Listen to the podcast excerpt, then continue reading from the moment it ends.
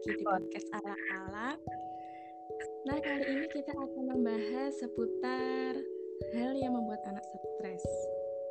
Untuk ya lupa. Perkenalkan nama saya Adun Reonida Zahbi yang baik hati dan rekan saya Elia Duratul Aziza.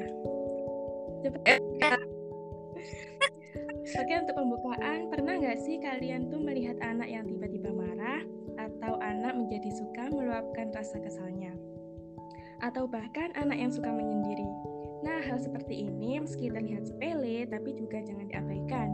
Bisa jadi nih si anak sedang menghadapi permasalahan dalam dirinya yang membuat anak stres dan memicunya melakukan tindakan-tindakan tersebut. Oke, langsung aja kali ini kita membahas hal-hal yang dapat membuat anak stres sehingga kita bisa menghindarinya. Yang pertama, terlalu keras dalam memberi hukuman.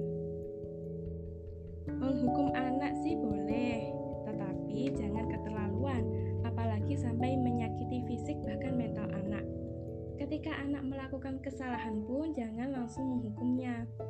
Tetapi beri si anak itu kita harus memperingati si anak terlebih dahulu atau kita juga bisa menasehatinya bahwa hal yang dilakukannya itu bukan hal yang dibenarkan.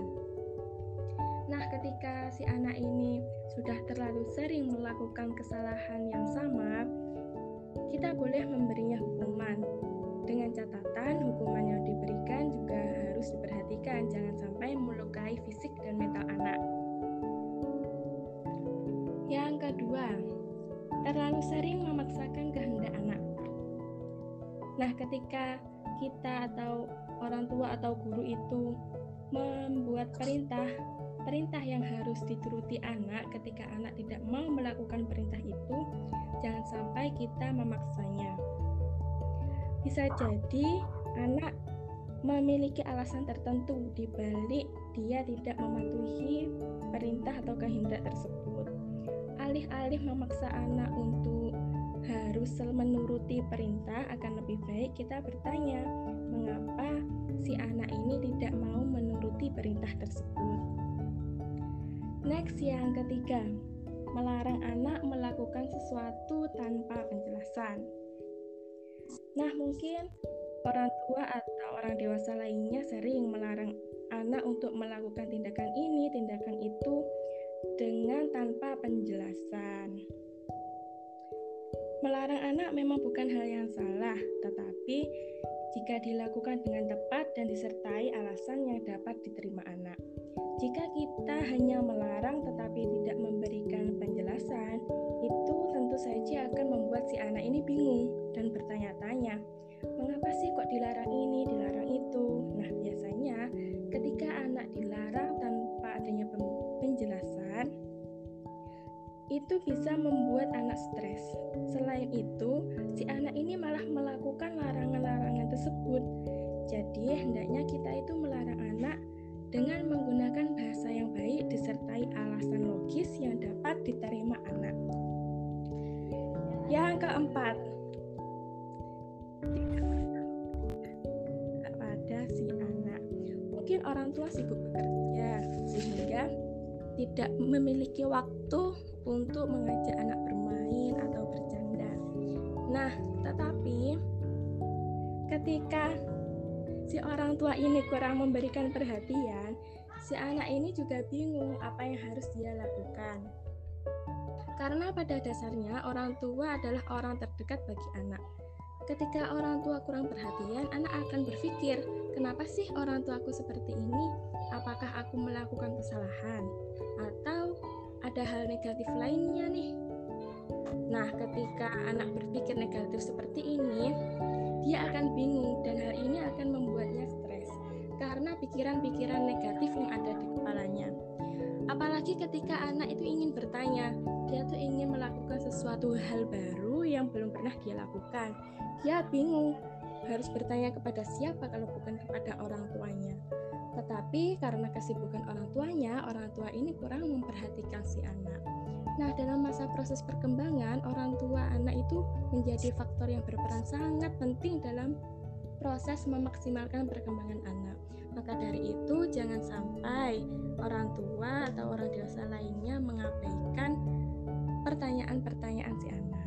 Next selanjutnya kembali dengan saya Lia.